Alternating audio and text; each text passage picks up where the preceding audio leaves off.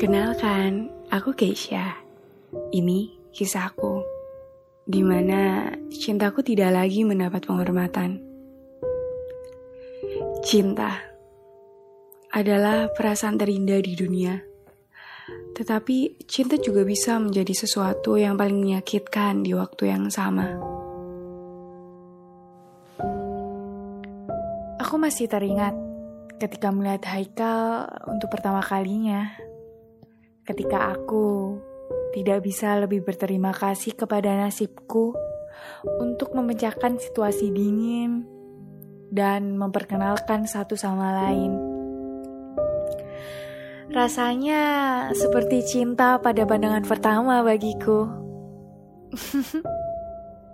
Aku bisa merasakan detak jantungku berdetak dengan cepat ketika dia berada dekatku. Iya, memang aku dan Haikal tidak pernah biasanya berbicara banyak. Tapi cinta tanpa syarat untuknya tidak bisa diabaikan oleh siapa pun. Tiga tahun berlalu, aku dan Haikal menjadi teman baik. Aku sangat senang setiap berada di dekatnya. Dia berbagi segala hal denganku. Tapi seperti kebanyakan kisah cinta, harus ada sebuah perpisahan.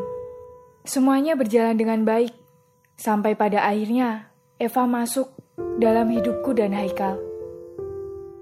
Eva, teman masa kecilku.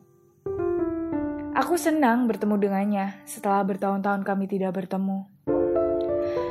Aku dan Eva mulai mengobrol satu sama lain seperti zaman dulu. Tidak butuh waktu terlalu lama bagi Eva untuk mengetahui bahwa aku teman baiknya dulu sedang jatuh cinta. Dengan semangat dan rasa penasarannya, Eva menanyaiku, siapa laki-laki yang berhasil mengambil hatiku. Dan aku pun menceritakan semuanya, karena dia temanku dari lama. Pertemuan selanjutnya, aku memperkenalkan Eva dengan Haikal. Ternyata Eva terkesan dengan sifat dermawan Haikal. Kami bertiga menjadi sangat baik dan dekat dalam waktu singkat. Kami mulai bergaul bersama.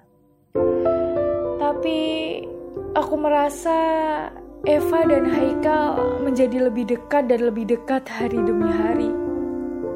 Lalu aku pun juga merasa prioritas Haikal untukku mulai berkurang.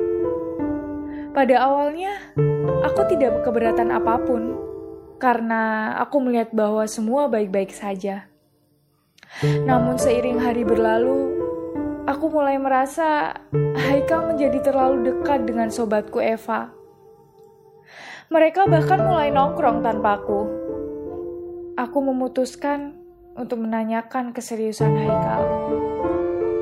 Beberapa hari kemudian, aku pergi ke sebuah kafe untuk menemui Haikal dan menanyakan keseriusan hubungan kami. Tapi saat aku sampai di sana, aku melihat Haikal sudah ada di sana. Aku merasa sangat bahagia. Tetapi saat aku menghampirinya, aku melihat ada Eva juga di sana. Seketika aku menghentikan langkahku dan aku pun tak sadar bahwa air mata sudah basahi pipiku.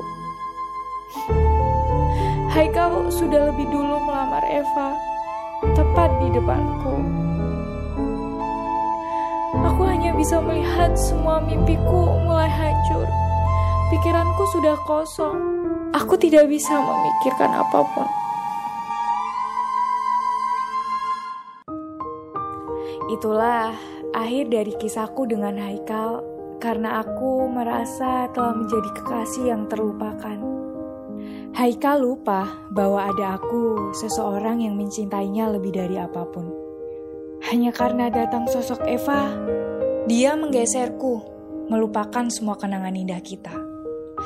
Pesan dariku, semoga Haikal tidak mengulanginya lagi, tidak mencapakan Eva, seperti saat dia mencapakan aku karena aku yang akan maju pertama kali kalau sampai Eva tersakiti.